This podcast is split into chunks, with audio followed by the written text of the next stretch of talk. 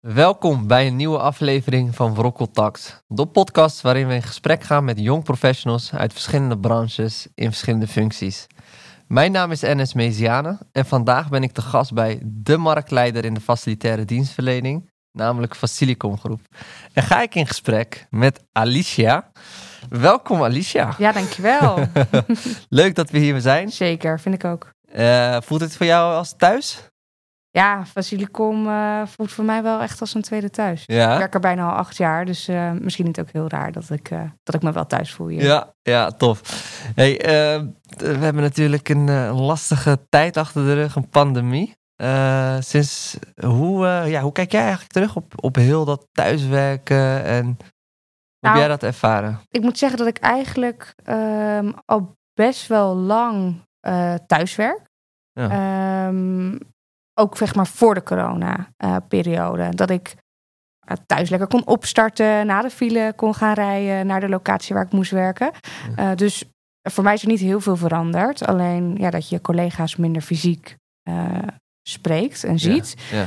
Maar ja, dat hebben we eigenlijk zelf wel gecreëerd om elkaar dan toch digitaal te blijven ontmoeten en het leuk met Ja. elkaar te hebben. Ja, want denk jij ook dat het ook, nu het er naar uitziet, ja, dat weet je natuurlijk nooit nu, maar dat we een beetje uit deze situatie uh, en weer terug naar het normaal. Denk je dat we ook helemaal volledig terugkeren naar het normaal, ook gezien werk? Of... Nee, ik denk echt wel dat dat hybride, dat dat wel gaat blijven. Uh, en wat ik zei, voor mij was dat eigenlijk wel al voorheen zo, maar ik denk dat steeds meer mensen dat, uh, dat gaan doen. Je merkt Ja. ook wel dat die privé met uh, of de, die balans met privé daarmee ook ja, wel makkelijker en fijner wordt. Uiteindelijk ja. Ja. werk je om te leven en leef je niet om te werken. Kijk, Ehm, ja, dus dan is het ook wel lekker als je op tijd thuis kan zijn of niet uh, Ja. om zes uur 's ochtends onderweg moet zijn naar je Ja. werk om op tijd te komen. we gaan natuurlijk nog veel hebben over uh, jouw carrière, je loopbaan. Maar vertel eerst even, wie is Alicia buitenwerk?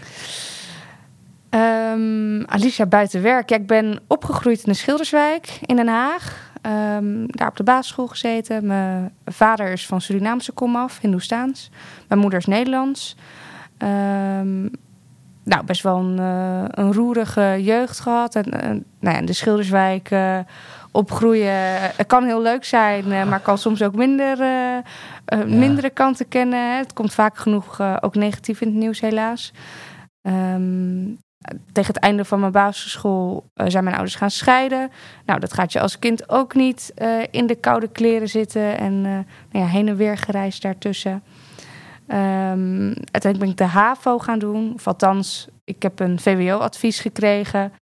Um, ik kwam he, van echt de Schilderswijk, ging op, opeens naar een hele blanke middelbare school... waar iedereen hockeyde en tenniste en ja, ik niet. Ik deed überhaupt nooit aan sport, want Ja. we hadden helemaal geen geld om, uh, om een sport te kunnen beoefenen. Mm. Ja, dan kom je daartussen en denk je, holy, Ja. hè, wat, uh, wat doe ik hier? Ja. En um, ja, uiteindelijk is het toch best wel, is het wel goed gekomen. Maar ik ben van VWO wel toen even, nou, in het eerste jaar gedropt uh, naar de MAVO. Omdat ik echt, uh, ik moest me echt acclimatiseren in die nieuwe omgeving, in die nieuwe omgeving waarin Ja. ik kwam. Ja. En toen dacht ik daarna, ja, maar ja, de MAVO, ik, er, er is niks mis mee. Maar het is eigenlijk te makkelijk voor mij, want ik had VWO aangekund. Dus ik heb daar heel hard aan getrokken en heb uiteindelijk toen de HAVO afgerond. En met mezelf afgesproken dat één ding heel belangrijk is voor mezelf... is jezelf ontwikkelen en doen waar je zelf gelukkig van wordt. En je niet mee laten sleuren in wat andere mensen om je heen vinden, denken, zeggen. Mm. Uh, waardoor ik daarna eigenlijk in één keer mijn HBO heb afgerond... en direct het werk in, uh, in ben gerold. Mooi, mooi. Even nog terug naar het gezin. Uh, enigskind, broers, zussen? Ik uh, ben heel lang enigskind geweest. Um, toen ik negen was, kreeg ik een zusje erbij. Ja. Ook dat is, uh, is gek als je zo lang enigskind bent. Ja. Om dan opeens een, uh, iemand anders erbij in huis te krijgen waar heel veel aandacht naar uitgaat. Uh, dus dat, was, dat maakt het ook moeilijk. Hè? Dat en dan daarna ook nog ouders die gaan scheiden. Um, en vanuit de scheiding van mijn ouders heeft mijn vader een, nou, die heeft een nieuwe vriendin. Ja. En die heeft ook een dochter. Okay. Um, Surinaamse komaf. En mijn moeder heeft een nieuwe man, een Nederlandse komaf. Ja. En die hebben ook eh, twee, eh, Ja. twee kinderen. Dus En eh, hoe zit het nu met jou? Heb jij al... nee, ik heb wel een, een partner, een Kijk. vriend. Uh, we zijn nu bijna zes jaar samen. We wonen samen. En eh, nou, verder eh, Oh, nog geen, eh, Ja. geen kinderplannen op Ja. dit moment. Nee, het- je, je, je had het net ook over de Schilderswijk. Mijn vader heeft daar toevallig les gegeven. nou, 30 jaar lang. Ehm, ik ken de wijk ook redelijk goed. Het is ook wel echt een ruige wijk. Hè? Het is... eh, ik heb wel echt het gevoel als ik daar ben... dat ik dacht echt in een andere... zeg maar, Den Haag voelt voor mij altijd heel gesegregeerd aan. In die zin dat je echt super statische en, en, en chique wijken hebt. Met name richting de, hè, de zee. Ja. En, en, en Schilderswijk, Transvaal voelt weer echt als een totaal andere wereld. En jij had het net ook over daartussen bungelen. En ja, hoe heb je dat gedaan? Ook richting die, die, die overgang ook die je voor jezelf hebt gemaakt bij, eh, in die middelbare schooltijd. Ja, ja het, het is best wel lastig geweest. Want ehm, ik heb altijd een beetje het gevoel gehad dat ik nergens bij hoorde. Want in de Schilderswijk was ik een van de weinigen met een half Nederlandse komaf. Dus ik was niet eens helemaal Nederlands. Maar het Ja. feit al eh, dat ik ehm, minder... En het accent is nog minder geworden nadat ik daar weg ben gegaan. Maar het minste een accent had. Dat er een blonde vrouw mij kwam ophalen van school. Dat Ja. maakte eigenlijk al dat ik, dat ik raar was. Mm. Ehm, en vervolgens kwam ik dus op een hele witte school. En dat was ook raar, want daar had ik een kleurtje. Ja. Ehm, dus ja, ik heb er altijd een beetje tussen gehangen. En daardoor heel erg geprobeerd mee te gaan in wat anderen van je verwachten. eh, waardoor je, ja, hoe gaan mensen mij leuk vinden en je daar eh, toe gaan gedragen. Mm. Ehm, nou ja, wat ik zei op het moment dat ik toen opeens van VWO naar de MAVO ben gedropt. Eigenlijk omdat ik maar ja, een beetje stoer ging meedoen met spijbelen en dat soort dingen om erbij te horen. Eh, toen dacht ik, ja, wat, wat, wat ben je nou aan het doen? Dit ben je helemaal niet. En toen ben ik vooral echt heel erg ja, mezelf eh, gaan worden. En ik moet zeggen dat ik daar tot op de dag van vandaag heel blij mee ben. Dat ik op een gegeven moment heb gedacht, ja, wat kan het ook schelen wat iedereen van je denkt? Ehm, en ook heel open en eerlijk, want ja, Mhm. ik woonde met mijn moeder Mhm. en zusje en twee broertjes Ja. in een heel klein eh, appartementje in Laakkwartier. Want uiteindelijk ben ik dus in Laakkwartier gaan wonen na de Schilderswijk. Ja. Eh, nou, staat ook niet bekend om de meest eh, prettige eh, buurt. Terwijl eh, iedereen in echt huizen woonde met een voortuin en een achtertuin en een zolder. En ja, de enige verdieping die ik kende was het portiek die ik Ja. En, en- en opliep. kwam daar ook een soort van brandend verlangen uit om echt iets te maken van je carrière? Om echt nou ja, te strijden? Ja, het, dat, heeft wel, dat heeft mij wel geholpen, denk ik. En niet per se dat ik zag dat anderen het welvarender hadden. Mhm. eh, want dat betekent niet per se dat je gelukkiger bent. Ehm, maar ja, ik heb wel gezien, nou, en nu nog steeds, hè, dat mijn moeder dat best wel het zwaar kan hebben. Ja. Eh, financieel gezien, hè, maatschappelijk gezien. En ik dacht, ja, ik, ik heb een goed stel hersens. Ik kan dit. Ik ga ervoor zorgen eh, Ja. dat dat mij niet gaat gebeuren. Dat ik, hè, dat ik nu in mezelf ga investeren, waardoor ik het mezelf later eh, makkelijker maakt. En eh, mijn familie ook kan eh, ondersteunen daar Ja. waar mogelijk. Ja, en dat je een stel hersenen hebt, dat is wel gebleken. Want je ging toch uiteindelijk naar de Haagse Hogeschool. Als ik Ja. het goed heb gezien. Klopt.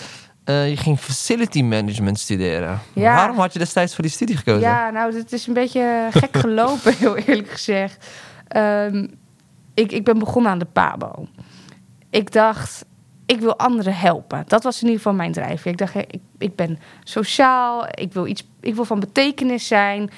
Ehm, en hoe kan ik nou van betekenis zijn? Dan dacht ik, nou, als ik nou ehm, een studie ga doen om kinderen te helpen in hun ontwikkeling. Dat was mijn eerste gedachte. Dan dacht ik, als ik de PABO ga doen, dan kan ik daarna een master doen special educational needs. Hè, voor mensen die eh, het moeilijker hebben, om welke reden dan ook. Mm. Om die te gaan begeleiden.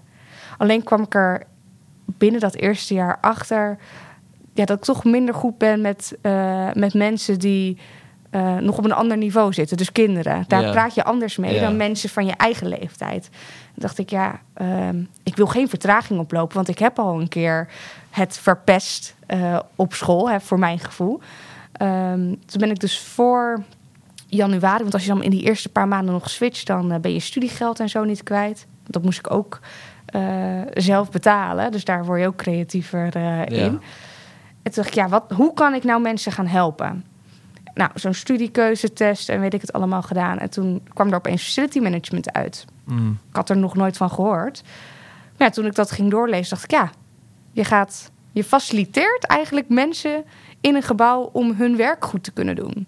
Nou, ik dacht, nou, ik ga, ik ga, het, maar, ik ga het gewoon doen. Ja, dat is opmerkelijk wat je zegt ook. eh, hè, vanuit niet vertraging willen oplo- oplopen, ook vanuit financiële redenen. Hè. Het is toch een andere eh, ja, starterspositie, uitgangspositie dan, weet je, eh, de, de, de gemiddelde, nou ja, dat was vroeger natuurlijk, maar even in jouw tijd was het heel normaal om acht of tien jaar te studeren, eh, eh, een extra studie als filosofie erbij te doen, of weet, weet ik veel, dat soort dingen. Het is toch anders dat, dat je toch ook vanuit, hé, hey, ik moet niet te veel, eh, ik moet niet te veel in de rood gaan staan zometeen. Ja, nou ja, ik heb, ik heb één keer bijgeleend. Ja. Ehm, en dat heb ik volgens mij binnen een half jaar ook weer terugbetaald. Want ik wilde echt niet eh, in de schulden of zo staan. Zo voelde dat echt. ja. En ik heb, ben eigenlijk wel best wel jong begonnen met, met werken.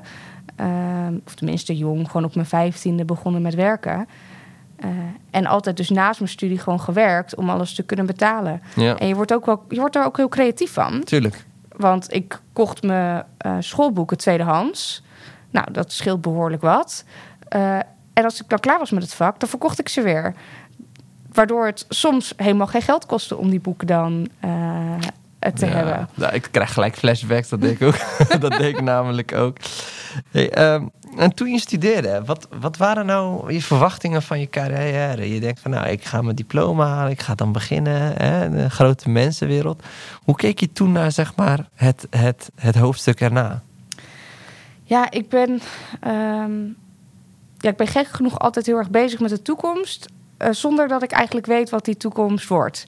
Eh, dus ik denk wel altijd na hoe kan ik voor mezelf veiligheid en zekerheid inbouwen. Dus welke dingen zijn slim om te doen eh, om het toekomstbestendig te maken.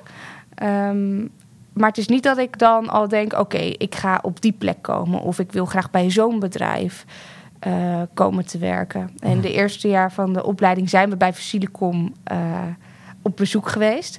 Want nou ja, het, het pand eh, van het hoofdkantoor, ja, dat was het facilitaire gebouw van Nederland. Er was ook echt een boek over eh, uitgekomen. Dus we gingen Is dat Hier- dit pand? dat we is dit pand. Ja. Ja. Ja, er waren allemaal slimmigheden voor eh, facilitair management. Dus we gingen hier op werkbezoek. En het is niet dat ik daarna dacht... oh, dit is het bedrijf waar ik wil gaan werken. Daar was ik helemaal niet mee bezig. Mm. Ehm, waar ik wel mee bezig was, eh, was proberen een netwerk op te bouwen. Dat op het moment dat ik stages moest gaan lopen... en nou uiteindelijk moest gaan werken... dat ik wat mensen kende in, in die branche. En, en, en want dat, dat had ik bijvoorbeeld totaal niet. Dat ik door had wat, hoe belangrijk dat netwerk was. Ik dacht, het gaat echt alleen maar om een diploma halen. En dan ga ik gewoon solliciteren. Dan kom ik wel ergens binnen. Kennelijk had jij dat niet. Hoe, hoe was je daar bewust van geworden? Dat, Nou, ik denk, de opleiding die benoemde dat ook wel redelijk vaak. Oké. Ehm, en ook wel van, hè, als er dan een gastdocent kwam... van joh, als je slim bent, dan vraag je daarna of je mag toevoegen op LinkedIn. Want wie weet kan die je helpen aan een stage. De school die maakte je daar wel, eh, in mijn geval, heel erg eh, bewust van. ik denk ook dat dat het verschil is als je een, een, eh, een hele beroepsgerelateerde studie volgt. Facility management, hè, facilitair manager. Dat het netwerk of het wereldje ook iets kleiner is. En dat het daarom ook... Maar bijvoorbeeld, ik, ik studeerde bedrijfskunde. Ja, Kan je alle kanten nog kan je op. alle kanten op. Dus, dus er was ook niet zoiets van... we gaan bij die bedrijven op bezoek. En, of dat je van inderdaad een docent meekreeg. Dus dat is wel mooi dat je dat hebt meegekregen. En voor de mensen die Facilicom groep niet kennen... wat doen jullie eigenlijk? Ja, wat doen we niet, kan je bijna eh, zeggen. Nee, eh Facilicom is nou ja, een van de grootste facilitaire dienstverleners. Ehm, en we hebben eigenlijk twee takken van sport waar we in ons begeven. We zitten in de zorg- en welzijnstak en we zitten in het facilitaire domein. Ik zal even inzoomen op het facilitaire stuk. Nou, we hebben eigenlijk um, verschillende ondernemingen daaronder hangen. Zoals wij dat noemen, de divisies, de dochterbedrijven van Facilicom Groep. Um, en dan wil GOM schoonhouden. Nou, de naam zegt het al. Dat, zijn, uh, dat is onze club die schoonmaakt, maar ook glasbewassing, uh, gevelreiniging. Nou, het kan van alles zijn richting de schoonmaakbranche. Uh, we hebben Trigion en Embrace. Dat is echt onze beveiligingstak. maar ook receptie, hostesses. Hmm. Um, maar het heeft ook met beveiligingstechniek te maken. Dus ook op afstand. Het is niet alleen de mensen die met een veetje op hun borst ja. rondlopen. We hebben Food and Eye, dat is onze cateringstak. Uh, en ik zit zelf bij Facilicom Solutions, het facilitair management, projectmanagement en consultancy. Dus eigenlijk wat wij doen, is wij bieden allerlei facilitaire diensten aan. En dat kan je loskopen. Ja. ik wil alleen dat je komt schoonmaken. Of je kan zeggen, joh, doe voor mij het totale pakket. En dat doen jullie voor verschillende uh, klanten? Uh, verschillende branches, verschillende ja. klanten. Het kan de overheid zijn, het kan commercieel zijn. Ja, wij hebben, uh, ik heb eerder wel eens Fleur Thema gesproken. Ja.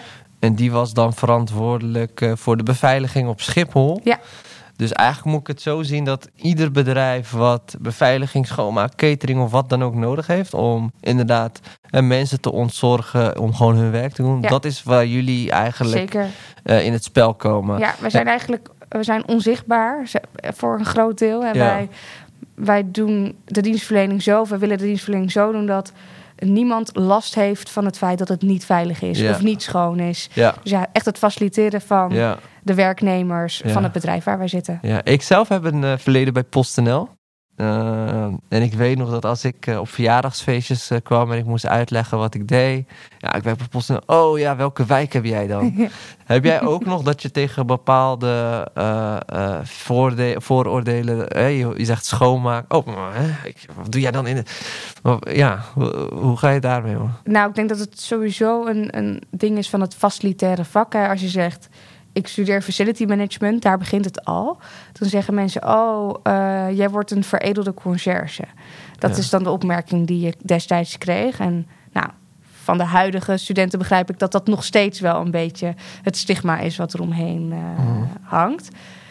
Ja, voor mij is het. eh, ik vertel dat ik bij Facilicom werk, maar ik leg al heel snel de link met hoe mijn werk er dan uitziet. Ja. Dat het echt het management is. Om Ja. te zorgen dat hè, een, een schoonmaker kan. Je kan wel een schoonmaker ergens in een Ja. pand neerzetten. Ja, Ja, en dan. ja. Er zit nog zoveel omheen. Hè. We, precies. we hebben ook gewoon een HR-afdeling en een IT-afdeling. En wij zijn ook gewoon een, een bedrijf. Net als een Ernst en Jong, wat misschien wel eh, ja want voor hey, mensen zieker voelt. Ja, precies. Want eh, je vertelde ook hè, je, je Surinaams-Hindustaanse achtergrond.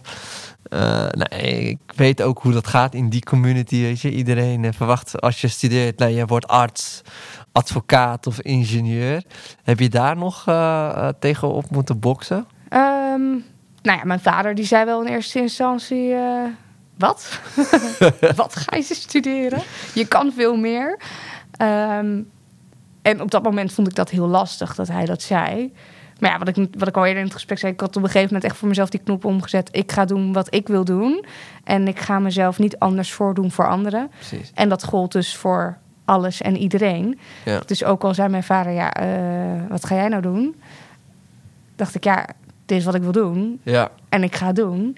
En misschien dat dat ook wel, hè, doordat mensen daar op een andere manier naar kijken, dat dat mij ook weer een drive gaf, ergens onbewust, om te laten zien eh, dat het me wel ging lukken Ja. en dat ik er wel ging komen. En dat ik geen veredelde conciërge ging Hmm. worden, wat mensen dachten. Hm. Nou, en nu achteraf zegt mijn vader ook heel vaak, ja, ik ben echt trots op je, wat je allemaal eh, tof. hebt bereikt. Tof, want je hebt eh, behoorlijk wat bereikt. Je bent nu manager duurzaamheid en development. Klopt. Wat doe je dan precies? Wat houdt dat precies in? Ja, ja dat, eh, het is best wel breed. Ik, ehm, nou, ik zit dus echt bij dat, bij dat bij FS, Facilicom Solutions. En wij hebben echt het totaalpakket van facility management. En wat ik daar doe, is eigenlijk onze volledige bedrijfsvoering. ehm, ja, dat verduurzamen, socialer maken, innovatiever maken. Ik zit echt aan die ontwikkelingskant. dus hoe kunnen we het nog groener maken? Uh, hoe kunnen we mensen met een afstand tot de arbeidsmarkt plaatsen? Um, ik zit nu zelf heel specifiek bij de klant ABN AMRO. En daar doen wij dus alle facilitaire dienstverlening. Uh, en daar ben ik dus nu bezig met dat allemaal te implementeren. En nou ja, ABN AMRO zit in Amsterdam. Um, dus daar ben ik bijvoorbeeld ook met ABN AMRO en collega's aan het kijken... oké, hoe kunnen we bijvoorbeeld mensen uit Amsterdam Zuidoost... die soms ook even een streepje achter hebben op uh, nou, iemand misschien uit Amsterdam Centrum... Uh, hoe kunnen we die nou een plekje in onze organisatie geven? Of hoe kunnen we daar bijdragen aan de maatschappij? Ja. Um, maar ook andere dingen rondom uh, innovaties, uh, employee experience. Wat kunnen wij doen met onze diensten om de beleving voor die gebruiker nog beter te maken? Mm -hmm. ja, dat is eigenlijk waar ik uh, dagelijks sturing aan mag geven ja. met, met een team onder mij. Die, en heb je het gevoel dat je, dat je goed op je plek zit qua, qua ook inhoud van je werk? Ja, ja zeker. Ik ehm, ben afgestudeerd op facility management uiteraard, maar met het thema sociaal ondernemen. Dus eigenlijk al nou ja, vanaf mijn afstuderen wil ik, wilde ik impact maken. Daar, daar, begon ik natuurlijk al mee. Ik wilde een studie gaan doen waarmee ik iets kon gaan bijdragen. Ja. Um, en mijn ambities lagen ook echt heel erg op uh, het sociale en het duurzame uh, verhaal. Dus op een gegeven moment ben ik dus in mijn carrière... heb ik ook even een uitstapje gemaakt. En toen zat ik op die facilitaire kant bij Facilicom. En toen heb ik een uitstap gemaakt naar die welzijnskant. Om meer ja, maatschappelijke bijdrage te kunnen leveren. Ja. En vanuit daar heb ik uiteindelijk deze stap gemaakt. En nu kan ik ja. zowel maatschappelijke bijdrage leveren ja. als het allemaal wat groener maken. Want die, die, die passie voor maatschappelijke bijdrage leveren, uh, maar ook, ik hoor ook duurzaamheid. Uh, heeft dat ook echt te maken met hè, inderdaad dat verhaal wat je hier vooraf vertelde over opgroeien in een nou, toch een wat kansarme omgeving? Ja, ik denk zeker dat dat wel heeft bijgedragen. Ja. ja dat hè, um, ik had ook iemand kunnen zijn die een afstand ervaarde tot de arbeidsmarkt. Ja. Dat ervaar ik nu niet. Nee. Um, maar dat had wel zo kunnen zijn als ik een aantal hè, bepaalde stappen niet had kunnen zetten of bepaalde ja. kansen niet had gekregen. Ja. En nou ja, dus ik weet uit eigen ervaring, iedereen doet ertoe. Iedereen heeft zijn talenten. Ja. Um, ja, de ene moet helaas even een tandje meer bijzetten om om het voor elkaar te krijgen. Ja. Um, dus ik wil iedereen graag een kans geven. Ja. En als ik, als ik vaak over dit soort thema's lees, duurzaamheid, sociaal ondernemerschap, uh, dan valt mij vaak op dat, het, uh, ja, dat ik heel veel, eigenlijk alleen maar bijna witte mensen erover hoor praten. Nou, hoe is het voor jou om met jouw diverse culturele achtergrond uh, actief te zijn in, in, in bijvoorbeeld het thema duurzaamheid?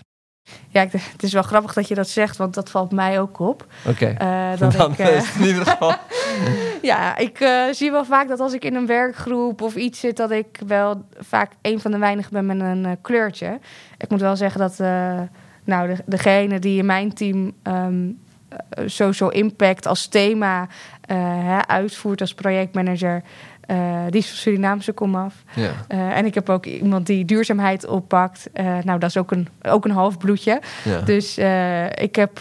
het is niet per se dat ik heel bewust ja. heb geselecteerd op mensen nee. met een andere achtergrond. Nee. Maar ik sta daar wel meer voor open. Maar het klopt, het zijn wel vaak... Um, ja, blanke mensen, Nederlandse mensen...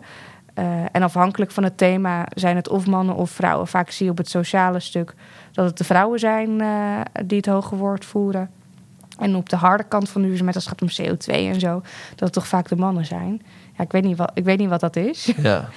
uh, maar ik ervaar dat hè, mijn positie daarin eigenlijk niet belemmerend. Ik vind het juist iets moois om te laten zien van hé. Hey, ja. Ik kan me ook wel voorstellen dat, dat, dat zeg maar, hè, net als dat wat je had toen je die switch maakte naar de middelbare school, je komt echt in een omgeving waarin je anders bent. Uh, dat dat ook professioneel zo is. Merk je daar ook dat je toch wel moeite had om, om mee te gaan en mee te praten en op datzelfde level te acteren? Um, nou ja, ik ben bij Facilicom binnengekomen echt op een service desk functie. Mm. Dat is uh, wel bewust geweest van mezelf. Ik, ik heel graag wilde ik wel gelijk als projectmanager aan de gang natuurlijk. Maar ja, ik had niet de illusie op dat moment dat als je klaar bent met je HBO, dat je gelijk een managementfunctie kon doen. Nee. Dus ik ben echt binnengekomen op, ja, op een service desk. En vanuit daar ja, heb ik elke keer een stapje gezet. Dus ik ben ook ja, eigenlijk gewoon langzaam gegroeid naar de professional die, Die- ik was. Dus ja. ik heb, of die ik nu ben. Hè. En, dus ik heb mezelf niet gepusht om gelijk al Mm. op dat niveau mee te moeten gaan. En ik denk dat dat ja, mij wel heeft geholpen ehm, om langzaam in Ja. die cultuur, in die vibe en op Ja. dat niveau te komen. Dat vind ik best bijzonder, want eh, de verhalen die ik vaak terugkrijg, is dat je juist, hè, omdat je eh, eh, in, in, in, zeg maar in een nieuw werkveld, in een nieuwe omgeving, is dat je ja, ook een soort van bewijsdrang hebt. Van weet je, ja, ik ben misschien wel anders, maar ik kan ook gewoon meedoen. Ik had daar zelf ook wel last van, moet ik eh, bekennen. Toen ik, maar hoe heb jij dat dan, zeg maar, toch wel voor jezelf? Oké, weet je, ik ben, ik ben starter, ik, weet je, het is, ik mag hoe heb je dat bewustzijn, eh, ik mag daarin groeien? Hoe heb je dat voor jezelf eh, gecreëerd? Of, of is dat je meegegeven? Of...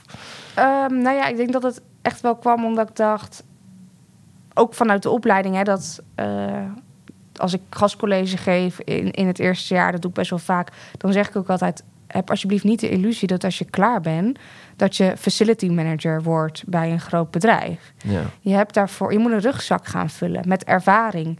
Eh, de kennis doe je op in de boeken, maar hoe werkt het dan in de praktijk? Hoe ga je om met interne politiek? Eh, hoe, eh, hoe lopen de paden in zo'n bedrijf? Welke paden moet je bewandelen om bepaalde dingen te behalen? Ik denk dat mijn, tijdens mijn opleiding zijn dat soort dingen wel meegegeven. Alleen de ene student die luistert er wel naar en de Mm. andere die hoort het wel. Ja, ja, Maar ja. die slaat het niet op. En ik denk dat ik... Ik ben wel iemand die misschien bovengemiddeld bezig is met persoonlijke ontwikkeling. Mhm. Ehm, en vanuit daar ook dus heb gedacht, joh, ik hoef niet gelijk ja. daar op die top te starten. Ja. Misschien liever niet, want hoe hoger je inzet, hoe harder je kan vallen. Ja. Ehm, dus ik koos misschien ook wel een beetje voor de veilige route. ja, en wat is dat dan, dat bewust bezig zijn met eh, persoonlijke ontwikkeling? Hoe doe je dat? Nou, ik reflecteer best wel vaak op situaties hè, als, het, als iets niet is gelukt of als ehm, iemand uitvalt. Hè, en natuurlijk, je maakt geen, geen echt ruzie in een bedrijf, maar soms heb je wel functioneel pittige gesprekken. Ja, probeer ik wel echt ook een moment te pakken om, om terug te kijken van wat had ik anders kunnen doen. Ja. En tuurlijk ligt het niet altijd aan jou. Ehm, maar dat ja, het Calimero-effect, het ik ben klein en zij zijn groot en het is niet eerlijk.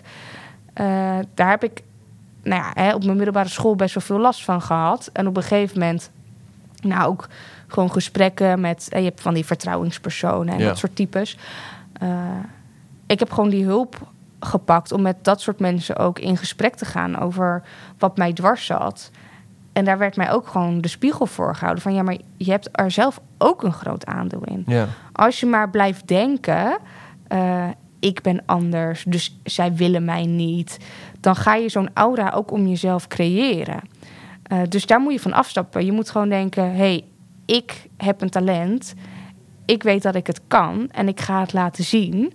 Eh, dan ga je met een hele andere vibe eh, het werkveld in. Mooi. Ja. Ja, ik denk dat dat het vooral is. En ik, ja, ik heb ook wel geluk gehad met veel leidinggevenden of mensen in het werk om me heen die ook ruimte gaven hè, of, of bewustwording creëerden van ga ook een keer een middag in een koffietentje zitten eh, op een terras en ga rustig nadenken over joh, wat kan er beter, wat kan er anders, Eh, hoe wil ik mezelf gaan ontwikkelen, want ook dat is onderdeel van je werk. Ja, ik denk dat het ook echt eh, enorm belangrijk is dat je ook die rustmoment pakt om gewoon te reflecteren op hé, waar sta ik nu? Hoe vind ik het gaan? Wat zijn er mijn next moves? Waar moet ik, waar moet ik voor mezelf nog in groeien? Het is toch best wel lastig omdat je soort van in een, in een, een soort van een hele tijd in een soort van prestatie. Ja, je zit erg in een rush en je, Dus gaat, je moet maar door en je wilt maar door en Ja. je wilt meer. Eh, ja, en het ene project naar het Ja. andere project. En het is ook soms gewoon even. We vergeten bijna wat we allemaal. Het is, we zijn alleen maar continu bezig met het next, Ja. next stap, next stap, next stap. Nou, je moet jezelf ook gewoon de tijd gunnen. Ja, En, en soms ook tevreden zijn met waar je nu Ja. staat. ja, ja, ja, zeker. Nou, en over de tevredenheid en erkenning eh, gesproken. Ik zag dat jij onlangs een hele mooie award hebt gewonnen. Ja, De young, als ik het goed zeg, de Young Professional Award voor de duurzame 50. Klopt. Ja. Hoe was dat? Nou, ehm, gelukkig is het niet eh, professioneel gefilmd, waardoor dat niet publiekelijk is geworden. Heb ik wel wat opnames gezien van mobiele telefoons. Eh, ik was behoorlijk even perplex. Ik eh, wist niet wat er gebeurde. En dat moment dat mijn naam werd geroepen, ging ik echt even. Ik heb een soort van blackout uh, van dat moment. Want ik zag hem niet aankomen. Ja. Ja, en, maar het is een enorme, enorme eer. Ja, dat, ja. Wat vertel eens even, wat, wat is dat dan precies voor een award? Ja, het is de uh, Duurzame 50 uh, van ABN AMRO. Of tenminste, ABN AMRO sponsort het. Um, en het gaat over ja, voorvechters binnen de gebouwde omgeving. Uh, en die dan verduurzamen. Nou, daar komt, daar komt het top 50 elk jaar van. En het was de eerste keer dat ik uh, op de longlist stond. Dus ik stond in de, uh, de top 200. Mm. Um, nou ja, dat vond ik al heel cool. En nou ja, uiteindelijk stond ik dus in de top 50. En, en nou ja, onverwachts uh, bleek ik ook nog met een award naar huis uh, te mogen. Maar het gaat er eigenlijk om van, joh, wie um, zijn er actief bezig met het verduurzamen van die gebouwde omgeving? Uh, wie zijn boegbeelden? en ook, ja, ook wel een beetje onbaatzuchtig. Hè? Dus ja, dat je een inspiratie bent voor anderen, anderen wil helpen, projecten op eigen initiatief ook inzet. Um, Want wat, ja. was, wat was voor hun uh, echt de, uh, het cruciale element waarin ze dachten van oké, okay, jij verdient die award ja, dit jaar? Het, is een, het gaat dus echt over die verduurzaming van die gebouwde omgeving. Dus wat je eigenlijk zag voorheen, was dat het vooral architecten, bouwers, hè, dat soort type mensen waren die dan hoog in die top kwamen. Ja. En dat facilitaire was heel erg onderbelicht. nou ja, ik zit natuurlijk echt aan op het moment dat een pand gebruikt uh, wordt. En daar ben ik bezig met niet alleen die harde verduurzaming, waar veel mensen zich op focussen, maar ook naar het socialer maken. Hoe kunnen we het nou, die maatschappelijke bijdrage en de combinatie van ja. dat ik zowel bezig ben met die CO2 en die grondstoffen, ja. maar ook met hoe kan het nog socialer? Hoe kunnen we de maatschappij betrekken? Uh, dat heeft gemaakt dat ze zeiden: hey, dit, is wel echt dit wat verdient anders. een podium. Ja, ja, tof. Heel tof, tof. En, en uh, dan, dan heb je een award. Gewoon eens een heel mooi moment, mooie erkenning. Maar wat is de nasleep ervan? Wat, wat merk je daar misschien nu nog van? Ja, wat ik ervan merk is... Um, nou ja, dat ik daar dus heel veel op word aangesproken. hey, je hebt toch die award gewonnen? En daar word ik altijd een beetje ongemakkelijk uh, van. Ik denk, ja, ja, ja. Uh, dat klopt, ja, dat was ik. Vind je dat Uh, moeilijk om jezelf ook daar uh, een schouderklop? Ja, ik vind het wel moeilijk om te zeggen dat ik goed ben, tussen aanhalingstekens. Ja. Het is natuurlijk wel een... Het is een je wint niet zomaar een award, dus blijkbaar doe je iets goeds. Ja, en ik doe vooral waar ik heel blij van word. nou, het is natuurlijk wel heel mooi om te zien dat dat, dat gewaardeerd wordt. Ja. verder qua nasleep, ja, mijn LinkedIn ontplofte. Ik had opeens uh, 400 uh, uitnodigingen van mensen die ik helemaal niet kende. Uh, ik heb ze zeker niet alle 400 geaccepteerd. Ik heb wel echt even gekeken. Heb ik mogelijk iets aan jou? kan ik er, haal ik er ook iets uit als ik jou toevoeg? Of ja. heb jij alleen mij nodig? Ja.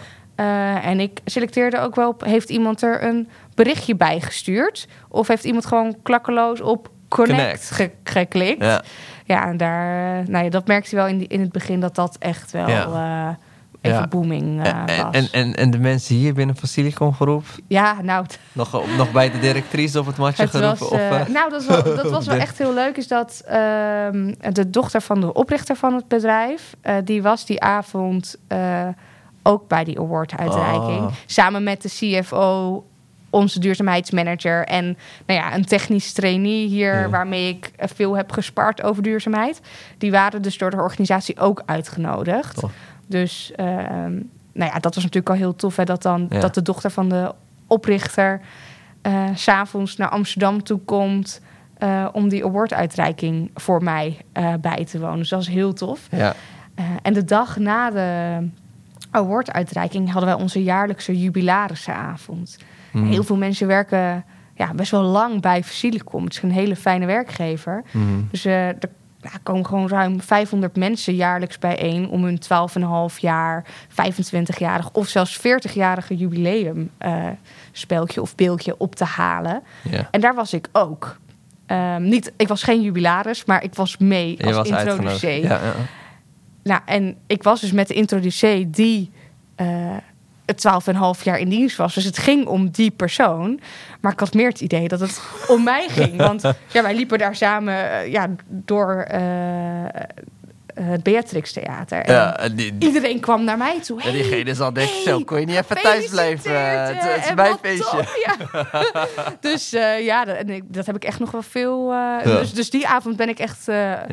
Ja, ja, het was natuurlijk de dag daarna. Ja, ja, echt ja, ja. gebombardeerd door allerlei collega's daar die dat op LinkedIn. En nou ja, heeft natuurlijk ook intern gepost en extern gepost. Dus ja, ik ben daar wel veel op ja, aangesproken. tof. Maar je bent daarnaast, naast de woord natuurlijk, zag ik dat je best vrij actief bent op LinkedIn. Eh, je hebt een podcast opgezet of je bent host van een podcast. Kortom, je bent zichtbaar. Ja.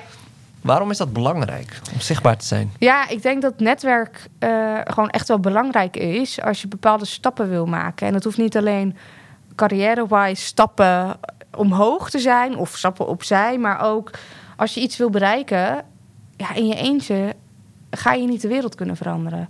Of, hè, dus ik, ik geloof er echt in dat als je samenwerkt, eh, dat je veel verder kan gaan komen. Ehm, en ja, dat maakt ook dat ik best wel actief ben eh, nou ja, buiten me, ja, wat er van me in basis wordt verwacht. Ja. Ja, Ja, ja het is, ik denk ook echt belangrijk hoor in een, een tijdperk waar we nu leven. Dus eh, ik zie bij sommige mensen die posten een keer iets als ze afstuderen. en dan is het klaar. en dan is het klaar. ja. Terwijl ik zelf heb ook echt enorm veel aan LinkedIn gehad. Ik denk zelfs dat, nou, ik durf wel te zeggen dat de helft van eh, mijn eh, partners van Vrokkel eh, min of meer via, via LinkedIn eh, bij ons terecht zijn gekomen. Het is natuurlijk gewoon een enorm sterk platform om, Zeker. ook, om ook de buitenwereld te laten zien wat je allemaal doet. En wat ook weer eh, ja, nieuwe relaties, nieuwe kansen Ja, genereert. en het, het sneeuwbaleffect. Hè? Ja. Oké, eh, als wij elkaar kennen en ik post iets en jij deelt dat weer, dan gaat het weer naar het netwerk die jij hebt, die ik niet ken. Ja. En zo kan, nou ja, kan dat als een olievlek of als een sneeuwbal heel groot worden. Ja. En kan je, kan je uiteindelijk iets, eh, iets bereiken. Nou. Wat wel, denk ik, belangrijk is, is dat je selectief bent. In, hè? Dat je echt wel nadenkt over wat je plaatst. Hè, op je, en misschien ook op je gewone social media. Alles op het internet is natuurlijk te vinden. ja, Ehm, dus ja, ik denk wel dat dat stukje bewustzijn ook wel belangrijk is. Van ja, waar ga ik, ook waar ga ik wel en niet op in? precies. Eh, en waar post ik wel of niet iets over? En wat zet ik er dan eh, op? En wat kan daarvan het effect zijn? Ja. En ook als je dan wordt gevraagd voor dingen, niet altijd maar ja zeggen. Ook selectief zijn in, in wat ja, je wat dan zijn gaat dan doen. bijvoorbeeld dingen waar je nee tegen zegt? Nou ik, zeker na die award eh, werd ik voor van alles en nog wat uitgenodigd. Of ik daar wilde praten, of ik daar een presentatie wilde geven, en of ik dit en of ik dat.